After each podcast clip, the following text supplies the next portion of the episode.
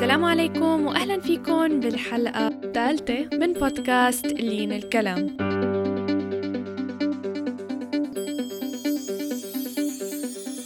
أنا لينا قدماني مقدمة هاي البودكاست يلي بنستضيف فيها ناس من مختلف المجالات لنتعرف عليهم ونتعلم من خبراتهم ونكتشف أسرار نجاحهم.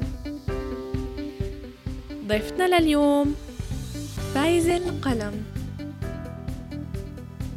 لا تنسوا تتابعونا على مواقع التواصل الاجتماعي وتستمعوا لآخر الحلقات عن طريق ال SoundCloud وال iTunes أو عن طريق الموقع لين الكلام dot com. وهلأ لنبدأ بالحلقة. أهلا فيكم بحلقة جديدة من بودكاست لين الكلام اليوم معنا خبيرة التغذية فايزة القلم. أهلا وسهلا فيكي فايزة. أهلا يا لين بدي أقول لك يسعد صباحك بس يمكن صار يسعد مساكي عندك. هيك شي فايزة القلم؟ خبيرة تغذية من سوريا وهي حاليا عم تدرس ال PhD تبعها بال nutrition وال kinesiology اللي هو التغذية وعلم الحركة بال University of Illinois بشيكاغو. وهي من أحد مؤسسي عيادة التغذية الإلكترونية Live with your dietitian يلي بتقدم استشارات تغذية لجميع الزباين من حول العالم. فايزة فيكي تحكي لنا أكثر عن حالك وعن أعمالك وبالضبط شو هو ال nutrition and kinesiology أهلا وسهلا يا إيلين. فيكي وبكل المستمعين. أول شيء آه رح أبلش لك من التغذية كاختصاص. كان من الاختصاصات الجديدة جدا بسوريا.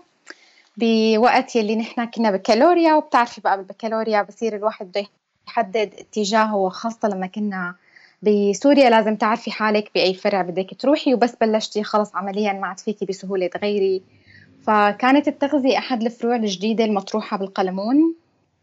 فعملت أربع سنين بالقلمون بسوريا. طبعا بين سفر كل يوم أو قاعدة بالدورم بالبداية لمدة أربع سنين. بعدين خلصت اشتغلت فترة ببن الحموي. خلال عملي ببن الحموي كنت الصبح مع بن الحموي اشتغل بال quality وال food safety عندهم. وبعدين آه المساء كون بعيادتي فتحت عيادة لفترة خمس سنين كمان بالشام. ثلاث سنين مع الحموي بعدين خلال وجودي بالحموي تعرفت على المركز العربي للتغذية. حضرت معهم دورة أو هن بيسموه معسكر لمدة عشرة أيام. بياخذوا مجموعة من اختصاصيين التغذية والطلاب بالسنوات الأخيرة وبيعملوا لهم مثل دورات مكثفة خلال عشرة أيام.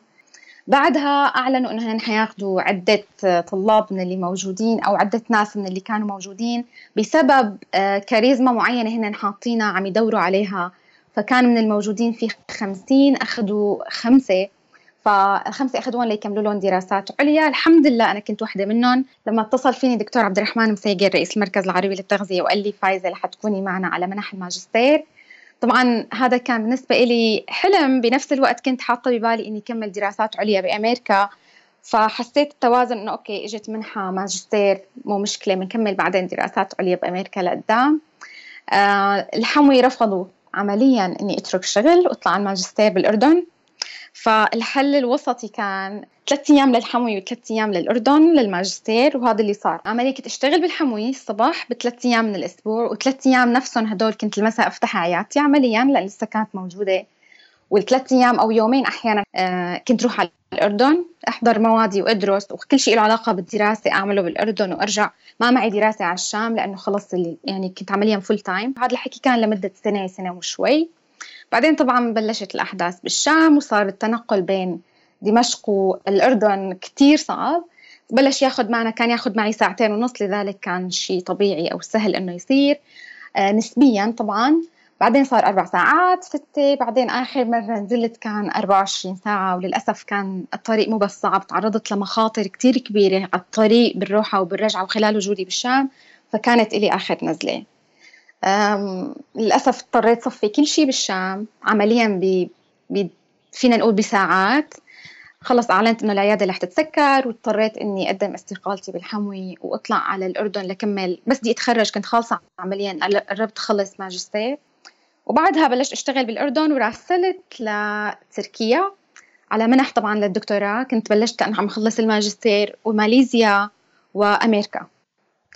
عمليا بهداك الوقت راسلت أكثر من 50 جامعة بالعالم 28 منهم كانوا بأمريكا. وإذ بعدين تجيني أحد رسالة من أحد الجامعات اللي كنت كمان مقدمة عليها إنه كمان ممكن ياخذوني بس بأمريكا. فالخيار كان باتجاه طبعا الأقوى علميا بالتغذية وبنفس الوقت أهلي كانوا موجودين هون. مقيمين كان صار لهم فترة جيدة فحسيت الخيار الأسلم العلم أقوى والوجود ناحي الأهل طبعا أكيد له أولوية. أخذت الطريق لأمريكا وبلشت بعدين بمشوار كمان كان كتير طويل قدرت حتى بلش دكتوراه هون. فهي بالبريف السريع يعني عمليا على موضوع الدراسة كتغذية وكاختصاص. عمليا وصلت على أمريكا ما قدرت بلش مباشرة لأنه في متطلبات كثيرة GRE وكان بصراحة ال position اللي معروض بال PhD اللي كنت بدي أروح عليها حصرا لازم تكون RD أو registered dietitian أو على الأقل RDE اللي هي registered dietitian eligible يعني هي بتكون dietitian جاهزة عاملة كل شيء متطلب لل board بس طفيان عليها فحص ال board وبصراحة أخذ مني هذا الوقت سنتين وشوي هذا الشيء من الوقت سنتين ونص تقريبا. لحتى قدرت انت بهالمرحلة كنتي مقبولة؟ آه عمليا انت بهالمرحلة كنتي مقبولة بالجامعة؟ هو عم تعملي هدول قبل؟ هدول الق... هو القبول بتاخذيه من دكتور قبل ما تاخذيه من الجامعة. فبس تاخذيه من دكتور بصير الدكتور هو اللي بيعمل كمالة العملية بالجامعة بس طبعا بدك تكوني قدمتي كل ورقك كاملة. فخلال كمان وجودي آه، خلال ال GRE طبعا ما ضيعت وقتي بس على GRE عملت شهادة ب Northwest Northwestern University بشيكاغو كمان هي clinical research certificate كمان لمدة سنة. فعمليا بما جهزت أموري للدكتوراه كنت كمان قويت حالي بجامعات أمريكا أخذت كورسات. وبنفس الوقت هي الأشياء اللي عملتها كثير ساعدت لآخذ القبول النهائي من ال graduate school ب UIC عمليا. وصل لي تقريبا فصل وشوي يعني بلش حيصير لي تقريبا سنة معهم وطبعا مشوار الدكتوراه مشوار طويل. الناس اللي بتدرس دكتوراه بتعرف إنه هي خاصة بأمريكا ما أقل من ثلاث أربع سنين ولكن it. يعني كل دقيقة بتقضيها هون عم تعلمي شيء جديد ودائما صحيح الواحد بيكون overloaded بس يعني كمية العلم وكمية الخبرة اللي عم يقدر ياخذها الحمد لله بتكون مستاهلة كل هي التضحية اللي صارت. كتير كانت طريقك طويل لحتى قدرتي تصلي لهالمرحلة. هل لقيتي عائق كمحجبة أو ك إنسانة محجبة إنه تدخلي بهالمجال وتعدلي شهادتك وتدخلي بالجامعة؟ بصراحة بالبداية أول ما أجيت لهون كنت عم بسمع آه، بعض القصص إنه صعب كمحجبة تحطي رجلك لأنك محجبة ما رح ياخذوكي بتعرفي هاي الجمل اللي بتسمعيها وين ما كان. قررت شوف التجربة بنفسي قبل ما أسمع من غيري. بالنهاية إذا أنا ما جربت وشفت ما فيني صدق لأنه مو شرط كل الناس تتعرض لنفس الموقف. والصراحة لقيت العكس. اللي شفته بخلال وجودي مع ال UIC بالذات إنه في محجبات اولا كثير آه، بال team تبعهم بقلب ال team تبع ال UIC نفسه في كثير محجبات موجودين بقلب الكادر تبع العمل والكادر الإداري والتعليمي حتى عمليا. وبحتى بالصفوف اللي أخذتها سواء كان بال graduate school أو حتى لما أكون بال rotations تبع المستشفيات عمليا دائما كنت شوف محجبات. وما كنت حس إنه الحجاب هو السبب ليعمل block بيني وبين أي شخص. أو يخليه ياخذ step لورا لما نكون عم نحكي معه. لليوم الحمد لله ما صار معي. يمكن موقف واحد خلال ثلاث أربع سنين لهلأ.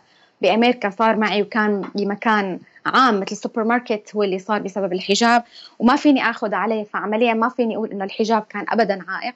بالعكس يعني بيعتبرونا بعض خاصه المجال اللي أنا بشتغل فيه بال community nutrition والناس اللي هي بتحاول تحكي عن المساواة وال diversity فعمليا بيضلوا بيعتبروا المحجبات هن من الناس اللي كمان إذا هن ما عملوهم صح فهذا شيء بطريقة ما ضد ال morals أو ال ethics تبعهم فعمليا الحمد لله لليوم آه، بقدر أقول ال experience تبعي مع الحجاب بأمريكا كانت إيجابية جدا ولا يوم كان الحجاب عائق لي لفوت لعمل أو لحتى آخذ position بدراسة أو بشغل أو بأي مكان لهلأ. وحتى عمليا ذكرت يمكن أنا وياكي تحت الهواء اللي بشتغل بأحد العيادات. هو طبيب عمليا بس أنا باخذ عنده يوم واحد بشوف مرضى للتغذية لأني ما بقدر أصلا مع برنامجي بالجامعة أخذ أكثر من يوم. ولا مرة كان المريض لما يفوت لعندي على الغرفة أو آه، اطلع أستقبله ويشوفني محجبة حس إنه مثلا فيتشرز تبع وشه تضايق أو تغيرت أو بالعكس يعني يكونوا مبتسمين ومبسوطين وعم يستفيدوا. فهذا الحمد لله يعني بعتبره فخر لنا إنه نحن إن شاء الله نقدر نعمل صورة صح على الأقل عن الإسلام بأمريكا. إن شاء الله وان شاء الله هالشي كمان يستمر من بعد ما ال election تبع ترامب وهلأ للأسف. الوضع. يعني إن شاء الله. إن شاء الله يا رب. نرجع ل آه، حكينا عن شو عم تدرسي بال PhD تبعك التغذية وعلم الحركة. فيكي تحكي لنا شوي عن فرعك ومجالك؟ التغذية كتغذية بعتقد إنه أغلب الناس بتحصرها بال diet والرجيم بس عمليا طبعا التغذية هي بتتدخل ب 99% فينا نقول. من المشاكل الصحية الحالية اللي عم نشوفها طبعا. في مشاكل أكيد التغذية ما كتير تقدر تعمل دور فيها ولكن دائما في إلها دور كتير بالوقاية وأحيانا بالعلاج. علم الحركة عمليا الجانب اللي أنا عم بدرس فيه حاليا ليس علم العضلات والفيزيولوجي تبع العضلات إنما عم بدرس منه الجانب تبع ال health coaching واللي كتير بيركز على علم النفس المرتبط بالاستشارات اللي لها علاقة بالتغذية وكل شيء مرتبط فيها عمليا.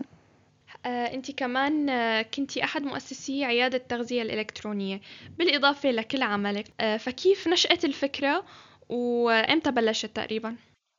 بصراحة فكرة عيادة إلكترونية كانت موجودة من لما كنت بأيام القلمون حتى بلشت فيها مع حدا من شباب الجامعة لما كنا إنه نبلش نعمل البرمجة إلها. بعدين طبعا انشغلنا وصار في عنا اوفرلود بالدراسة فنحطت الفكرة مع جنب. فرجعت لما طلعت من الشام كان هو القرار الأولي اللي حسيت إنه لا صار الوقت إني أنا لازم أعمل ال counseling تبعي أونلاين ف كمان ما بلشت فيها بشكل جدي لأنه كنت عمليا لسه عم بنهي أمور الماجستير وعم بشتغل بنفس الوقت فكان بدها جزء من التفرغ لحتى تعملي أول بلوكتين صحيحات بقلب هذا ال business. فلو لما وصلت على أمريكا كان صار لي كم شهر عمليا وصلاني لما Live with your dietitian. آه، وبلشنا ناخذ clients online وخاصة إنه كان الحمد لله عندي شريحة جيدة سواء لما كنت بسوريا ولا لما كنت أشتغل مع المركز العربي للتغذية نطلع على المؤتمرات كنا نعمل training على side المؤتمر. وبالاردن لما اشتغلت كان عندي كمان شريحة كثير كبيرة من الزباين. فبلشت بنفس هي الشريحة انطلقت بعدين الحمد لله شريحتي الأكبر حاليا موجودة بأمريكا وكثير عنا زباين من الوطن العربي وخاصة من الخليج حاليا. فالاستشارات تبعنا بتكون from A to Z online في عنا استشارات جماعية وفي عنا استشارات فردية وفي عندي هلأ الحمد لله team أكبر. في معي dietitian ثانيات عم يشتغلوا معي وفي معي personal آه، trainer كمان عم تشتغل معنا على الموقع. فالحمد لله يعني عم نكبر بشكل نسبيا ما سريع بس بنفس الوقت آه، بإذن الله ماكن الخطوات. ال team تبعنا موزع بكل العالم. في عنا بماليزيا المبرمج تبعنا موجود بماليزيا في عنا محاسب بتركيا في عنا الإدارة الأساسية طبعا المدير علينا من تركيا اللي هو طبعا بنفس الوقت بيكون خطيبي آه، محمد الحبال. آه، في معي dietitian من الجزائر في معنا dietitian كمان آه، شاب من تركيا في معنا trainer من فلسطين وفي معي two assistants عايشين بالأردن وفي عندي two assistants عايشين هون بأمريكا. وفي معنا صبية كمان بتشتغل photographer وهي كتير مبدعة اسمها الصبية ديما كاروما. كمان آه، بتعمل لنا أطباق مميزة. طبعا في كتاب وصفات موجود بيننا وبينها وفي بعض الأشياء نحن بنعدل عليها. بعدين هي فنانة جدا جدا بالتصوير كمان بتعمل لنا التصوير للوصفات عنا على الموقع.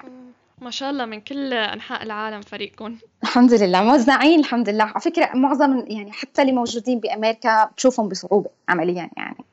وبكل هالتجارب اللي مريتي فيها وكل هالتحولات من الشام للأردن لأمريكا آه، أي نقطة آه، أو أي مرحلة من هالمراحل تعتبريها كانت نقطة تحول مهمة كتير بالنسبة إلك؟ بصراحة آه، نقطة التحول اللي معظم الناس بيسألوني بجاوب دائما نفس السؤال وأغلب اللي حوالي بيعرفوها هي لما عرفت المركز العربي للتغذية وعرفت دكتور عبد الرحمن مسيقر طبعا بالجامعة أكيد ما قصروا معنا لما كنا بالقلمون تعلمنا بس ما كان في بين إيدينا sources أو نعرف طيب إذا نحن بدنا نكسب خبرة وين بدنا نروح بدنا نعمل training وين ممكن نروح. فكان آه، عملي مع المركز العربي للتغذية كمان اشتغلت معهم حوالي الخمس سنين على الأبحاث طبعا وحضرنا أكثر من مؤتمر وحضرنا لأكثر من مؤتمر معهم. فكانت خبرتي الكبيرة ونقطة التحول الكبيرة بحياتي عن طريق المركز العربي للتغذية وتعرفي على الدكتور مساجر السبب إنه المبدأ اللي دكتور مساجر متبنيه بالحياة إنه هو بده يصنع الصف الثاني من الأجيال وبيترك هي الرسالة كمان على الجيل اللي بعده ليصنع الصف اللي بعده. يعني مثل نحن مسؤولين لنصنع الصف اللي بعدنا. فعمليا كان يعني يقدم من قلبه بدون أي مقابل. يعني حتى بتذكر وحدة من الصبايا كانت لي إنه فايزة يعني معقول إنه انت رايحة على المؤتمر الفلاني مع المركز العربي للتغذية وهن ما بدهم منك شيء بالمقابل. يعني كان بالنسبة لهم إنه okay إنك تحضري مؤتمر على حساب المركز العربي للتغذية أو تطلعي معهم على دورة أو حتى إنك تشتغلي معهم بأي project معين. أكيد في له سبب حتى المنحة اللي أخذناها كانت الطلب بعدها يعني شيء ال commitment تجاه المركز بس إنه نحن نصنع جيل بعدنا. تخيل يعني قديش هو واسع ولكن بنفس الوقت أنا بعتبره التزام أخلاقي. وإن شاء الله تبنيت نفس المبدأ. حاليا في عندي اثنين dietitians عم دربهم كمان ما موجودين هون بأمريكا اونلاين بإذن الله عم حاول أعمل نفس الرسالة اللي بلش فيها دكتور عبد الرحمن بس هي اللي كانت نقطة التحول الأساسية بحياتي. وبصراحة هي مبنية عمليا على العطاء. أكثر مثل لما تعطي أكثر بتلاقي إنه هذا العطاء عم يرجع لك بطريقة ما سبحان الله. شاء الواحد أم أبى عم يرجع له الشيء المنيح اللي بيعمله بالحياة. أكيد طبعا. ففي عندك أي نصائح للشباب اللي بدهم آه، اللي هلأ بالجامعة بدهم يتخرجوا أو اللي هنا فترة دراسة كيف يقدروا ياخذوا خبرة خلال فترة دراستهم؟ عمليا بصراحة لين أهم شغلة وحتى إذا بتلاحظي أنت عشتي كأنه فترة بأمريكا العمل التطوعي جدا عليه تركيز بأمريكا. وبصراحة حتى لما كنا بالشام بالقلمون كان في أندية بقلب القلمون أعطتنا كمان خبرة حلوة وكان فيها عمل تطوعي كتير حلو. فعمليا الخبرة بتبلش من العمل التطوعي لأنه عمليا بيكون مشابه للعمل الحقيقي بالأرض بأرض الواقع ولكن مع مسؤوليات أو التزامات مختلفة نسبيا. ولكن بتخلي الشخص يكون موجود ببيئة العمل بشكل عملي لحتى يبلش يتخيل كيف رح يكون الفرق بين الحياة الجامعية والعمل. النتوركينج اللي نحن ممكن نعملها خلال وجودنا بالجامعة بالاماكن اللي بنعمل فيها internship أو الأماكن اللي بنعمل فيها ال volunteer أو الاعمال التطوعيه كل ما عملنا فيها ال networking أكثر كل ما كان أفضل. أغلب الناس بتحصل على العمل الحقيقي بصراحة تبعها هي قاعدة عامة بكل الدنيا من خلال ال internship أو من خلال الأماكن اللي عملوا فيها عمل تطوعي. وأكبر مثال اللي ذكرت لك اياه هلأ عمل تطوعي لمدة سنة كاملة طبعا كنت سوق من إنديانا لشيكاغو لحتى أعمل هذا العمل التطوعي واللي هي عمليا ساعة أو ساعة وربع سواقة بشكل يعني تقريبا مرتين لثلاثة بالأسبوع لحتى آه، تبني image صحيحة عند الشخص اللي عم تشتغلي معه. وبعدين يعني بالأخير أثمرت بإنه أخذت الدكتوراه مع هي الدكتوره فدائما العمل التطوعي بيعطي impression وكل ما كنا جديين فيه أكثر وقدمنا فيه صح لح يعطي صورة صحيحة عنا كأشخاص ليكون ال expectations أو التوقعات من الشركة أو الشخص اللي حنشتغل معه إنه هذا الشخص شو مستوى عمله. بينما لو نحن ال internship أخذناها off بس هي مجرد internship بدنا نخلص منها ونمشي بدنا نتخرج. بتوقع ال impression أو الانطباع السلبي عن الشخص قد يستمر لقدام. فال networking مع الأشخاص وين ما اجتمعنا networking خلال المؤتمرات أو الدورات أو أي شيء الواحد بيحضره وبنفس الوقت networking خلال الأعمال التطوعية اللي بنعملها. وكشخص قدرتي تحققي كل هالإنجازات بفترة قصيرة. فيك تحكي لنا نموذج عن حياتك اليومية وكيف بتديري وقتك؟ هذا السؤال لي بصراحة بيتكرر كثير الأساس دائما وبصراحة أكثر جواب بجاوبه هو إنه ببلش كثير بكير. يعني دوما حتى لو كنت بالبيت آه، دائما صلاة الصبح وبعدها ما عاد في شيء اسمه نوم. خلص هذا الوقت هو للإنتاجية الكبيرة. فمفتاح إنه الواحد يقدر يلحق كثير أشياء دائما بحياته. هي إنه يبلش كثير بكير. آه غالبا أنا شخصيا ما بنام بعد الفجر. صلاة الصبح والوضوء خلاص هدول يعني صار واحد فايق نسبيا فليش لحتى يرجع ينام. آه والإنتاجية كثير بتكون كبيرة الصبح. بنفس الوقت أنا من الأشخاص اللي بيشتغل تحت الضغط وما عرفت هالشي بشكل واضح جدا جدا إلا مؤخرا لما عملت ال health coaching فكنت عم بحكي مع الدكتور نفسه اللي بيشتغل فيها. فذكرت المثال تبع إنه أنا بشتغل بهي الطريقة فقال لي هذا تايب من الأشخاص يعني هذا نوعك فهذا مو شيء لا له عيب ولا له شيء بيتصلح أو بيتغير أو بيتبدل إنما هو نوع من إنه هيك ش... هيك نوع الشخص أو الشخصية اللي انت فيها. فعمليا كل ما كان عندي أشياء أكثر كل ما حسيت حالي منظمة أكثر وبس حس إنه الوقت كتير فاضي بتكون إنتاجيتي نسبيا مو كتير قوية بصراحة.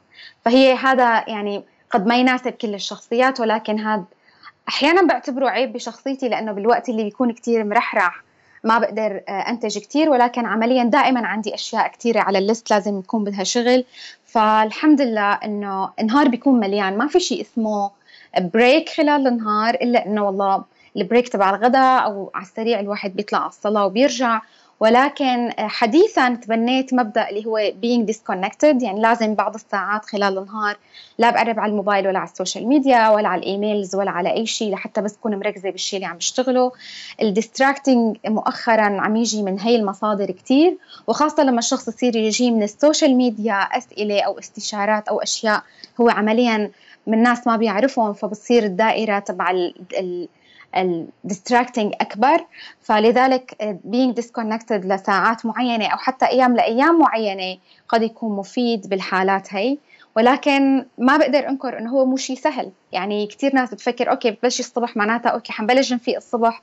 ومعناتها كل الأمور تنحل لا بده يكون الواحد عنده مبرمج أموره حتى قبل ما ينام إنه بكرة عندي واحد اثنين ثلاثة أربعة خلال النهار. لازم يصيروا لازم يتموا وما بصير نام قبل ما يخلصوا.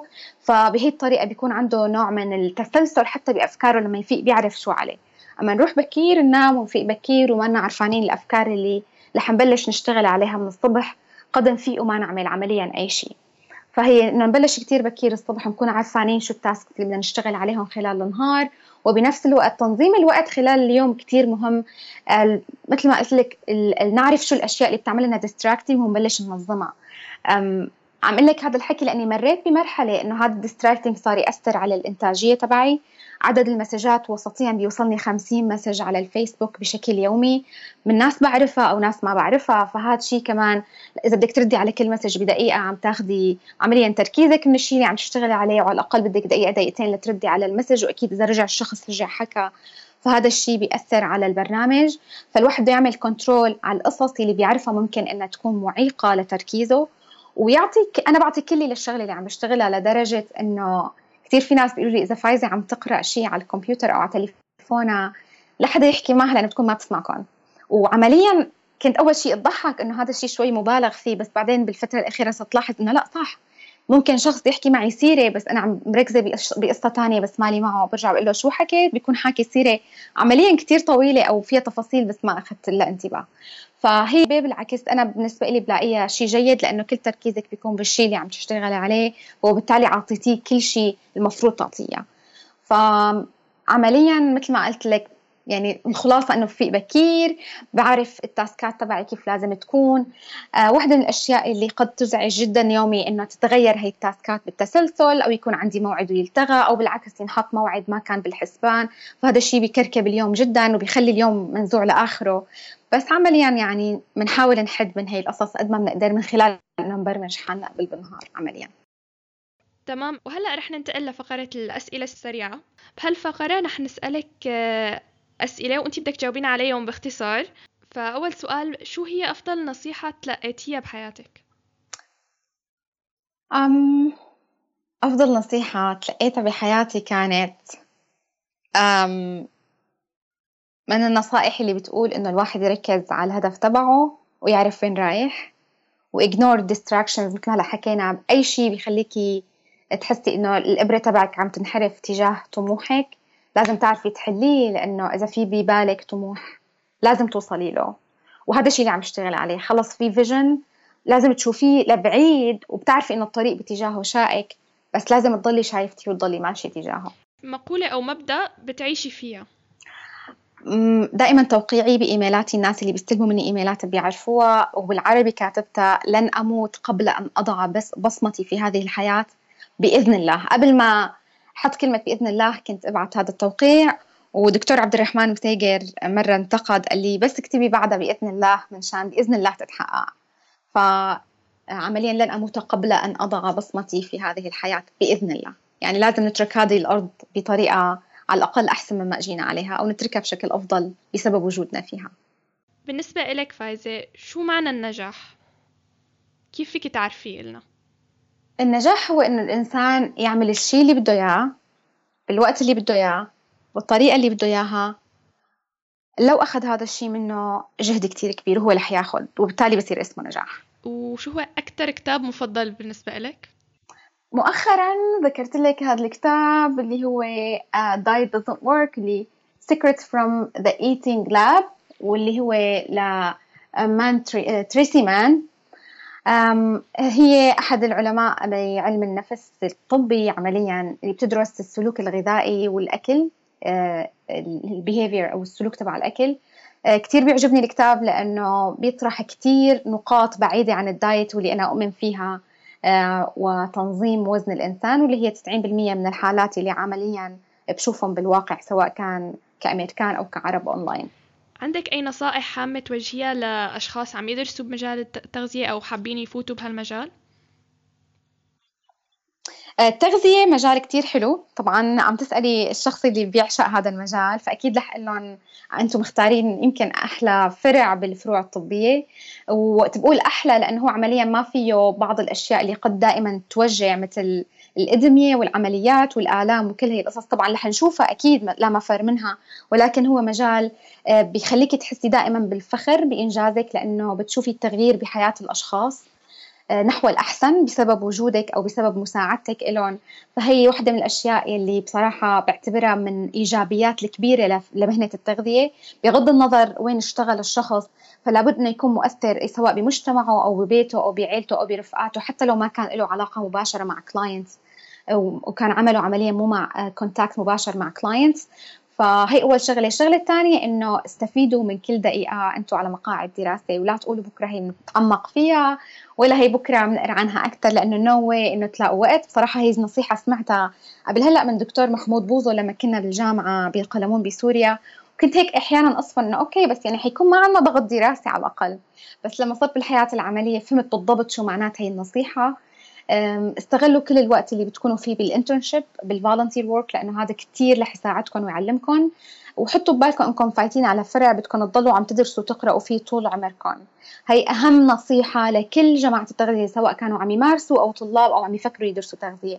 علم التغذية بيعمل فليب كاملة حوالي كل عشر سنين وبكل خمس سنين نسبيا بتتغير بعض المبادئ اللي بنمشي عليها والسبب إنه هو علم جديد وليس لأنه هو علم متغير. إنما عم يطلع دائما أبحاث جديدة تعطي انطباع متكامل عن شيء لسه ما كان واضح. غالب الأيام بنكون عم نحكي عن بيزك آه، ساينس ما بنكون لسه عمليا عندنا العمق الكافي بالتغذية بسبب لأنه العلم لسه ما عم يعطينا هذا الشيء بس الحمد لله بعدد الدراسات الهائل اللي عم يصير بالمجال دائما المجال عم يتغير. آه، بمثال بسيط أغلب ال dietitians اللي تخرجوا بال 2010 وما سبق كانوا يآمنوا بإنه calories in calories out وهلأ كثير منهم وقت بيتواصلوا معي بيقولوا لي بس مو هيك؟ حتى في trainer من فترة قالت لي بس فايزه calories in calories out للأسف إنه ما هيك العملية أعقد من هيك و الفيزيولوجي تبعها بقلب الجسم وال mechanisms كلها مختلفة عن إنه مجرد calories تفوت وتطلع في ال quality تبع ال calories اللي بتلعب دور وين رح تروح وين حتتخزن وين حتشتغل. هي على مثال بسيط يفهموا الكل يعني يكون مفهوم للكل ولكن عمليا بكل المجالات بكل مجالات التغذيه علم التغذية متغير جدا. فبدكم تكونوا جاهزين لتضلوا دائما على آه، اطلاع على الأبحاث. وعارفانين شو عم يصير وكونوا جاهزين تقرأوا الأبحاث العلمية بقوة. فتمرنوا خلال الجامعة استفيدوا من الدكاترة اللي عم يدرسوكم إذا كنتوا لسه طلاب بإنه تعرفوا كيف تدوروا على البحث الصح وتقرأوا البحث بطريقة صح وتاخذوا منه النتيجة الصح. تمام. وكثير من النصائح بتنطبق مو بس على مجال التغذية على كثير مجالات. تمام. خاصة المجالات الجديدة لين صح؟ 100% أه وهلا آخر سؤال. في عندك أي نصائح عملية بتساعد لنتسلق بسلم النجاح بس نتخرج؟ ما تضيعوا وقت. حتى لو ما أجاكم اشتغل مباشرة انزلوا آه، طوعوا اعملوا أي شيء بهذا الوقت ركنوا أفكاركم. أحلى نصيحة آه، سمعتها من أحد دكاترة هون بأمريكا. خلي معكم دائما دفتر صغير بجيبتكم. الفكرة اللي بتجي على بالكم شو ما كانت سواء كانت لها علاقة بالعمل أو البيت أو آه، أي أي شيء لو سواء كان شخصي أو شيء عملي أو شيء له علاقة بدراسة أو بفكرة أو مع رفيق أو أي شيء. افتحوا الدفتر واكتبوها ودائما المساء فلتروا هي الأفكار. كثير بتساعد لحتى تضلوا آه، محافظين على أفكاركم إنه ما تضيع لأنه في أفكار بتمرق على البال مرة وبتروح. وبنفس الوقت لحتى تضل أفكاركم نسبيا منتظمة لما تفلتروها المساء قبل النوم رح تلاقوا حالكم إنه في أشياء لازم تعملوها في أشياء لازم تحطوها على التاسك ليست تبعكم وفي أشياء المفروض إنه تضل ببالكم أو تكون مكتوبة لمجرد إنها تكون مكتوبة منشان تكون موثقة. فهي وحدة من النصائح المهمة. تطوعوا ما توفروا أي فرصة عمل بتجي وخاصة إذا كانت مو من الفرص اللي أنتم بدكم إياها. يعني أقرب مثال من الشيء اللي حكيناه اليوم مع بعض لين آه، لما أجاني عرض العمل الأول بعد التخرج بعد شهر ونص تقريبا شهرين من التخرج آه، بمعمل قهوة. كان بالنسبة لي إنه عفوا إنه أنا بدي أشتغل بالتغذية وبدي أشتغل بالمجال الطبي وبدي ساعد الناس تحسن صحتهم. إنه كيف بدي اقبل بمثل هيك عرض؟ ولكن الخبرة الكبيرة جدا يلي أخذتها خلال وجودي ثلاث سنين مع الحموي سواء كان من الإدارة ولا المدراء اللي كانوا موجودين. بصراحة كانوا على مستوى عالي من الخبرة. علمتني كثير أشياء بالحياة يمكن ما لها علاقة بالتغذية ولكن كثير مهمة بكل مجالات الحياة. فعمليا الخبرة اللي بناخذها بأي نفوت عليه بعمل. رح ناخذ خبرة العلاقة بالعمل كعمل كشركات كمؤسسات. أكثر ما يمكن تكون بالتغذية لأنه عندنا ال background العلمية ولكن نحن بحاجة هي الخبرة. فمن هون ببلش الشخص بيقول أنا معي سنة وسنتين وخمسة وعشرة خبرة. فما توفروا أي فرصة بتجي. حطوا رجلكم بأي مكان بدكم إياه. لما فت على الحموي فتت بمنصب معين وطلعت بمنصب مختلف تماما. كان ال vision تبعهم لما وز... كنت أنا وصبية ثانية بالتغذية لما آه، آه، عملوا لنا عملية التوظيف إنه والله بدنا دايتيشنز كان بيفكروا ان إحنا بنقدر نشغل أشياء معينة ولكن وجودنا معهم لما عرفوا شو العلم اللي عنا شغلنا أشياء أخرى وتعلمنا معهم كثير وبالنهاية فرضنا الشيء اللي بدنا إياه بحيث إنه الشركة تكون راضية ونحن نعطيهم أحسن ما عنا. فما توفروا أي فرصة بتجيكم وين ما كانت. وخاصة بمجال التغذية بمجال التغذية رح يجيكم فرص تشتغلوا مع مدارس مع مشافي مع مطاعم مع أوتيلات. بكتير أماكن ممكن تكون غريبة ولكن آه رح تكون فرصة لتاخذوا خبرة بغض النظر هي الخبرة من وين حتجي. شكرا كثير لوجودك معنا فايزة. آه في أي شيء حابة تضيفيه ما قدرتي تقوليه بالحلقة؟ آه الشيء الوحيد اللي بدي أضيفه أنا شكرا لك لين. بصراحة كثير معجبة بمشروعك وبال vision تبعك وبرسالتك من خلال هذا ال broadcast. وإن شاء الله موفقة بالمقابلات الثانية. وإن شاء الله بنسمع قصص نجاح كثيرة عن طريقك. بتكون قدوة للأجيال اللي بعد. إن شاء الله يا رب. وشو أفضل طريقة لأي حد يتواصل معك؟ أفضل طريقة آه، نسبيا فينا نقول الفيسبوك. هي آه، أسهل طريقة الشخص ممكن يوصل لي عن طريقة. آه، بصراحة لقدام إذا كان في استشارة لها علاقة بالتغذية أو شخص بده يعمل استشارة أو بده يسأل عن شيء له علاقة بالتغذية فالأفضل إما يبعث message على صفحتنا على الفيسبوك اللي هي live with your dietitian أو ممكن يبعث على موقعنا اللي هو livewith.com www.livewith.com اللي هو اختصار ل Live with your dietitian. وأكيد عندنا فريق عمل بجاوبكم وإن شاء الله أكيد آه، الأجوبة اللي بتطلع لو ما كانت صادرة من فايزه شخصيا ولكن عمليا هن آه، ال team تبعنا وبالتالي رح يكون ال quality تبع الإجابة مثل ما بدهم بإذن الله. آه، بس لحتى نضمن إنه أقدر جاوبهم مثل ما ذكرت لك لين عدد المسجات اللي بيجي على الفيسبوك خيالي فإذا كان استشارة غذائية وبدكم تحصلوا على جواب عليها صفحة الفيسبوك تبعنا أو الموقع هن أسهل طريقة لتحصلوا على إجابة غذائية. غير هيك أكيد أي شيء حدا بيحب يسأل عنه أو يستفسر عنه أحب على قلبي يتواصلوا معي على صفحتي الشخصية.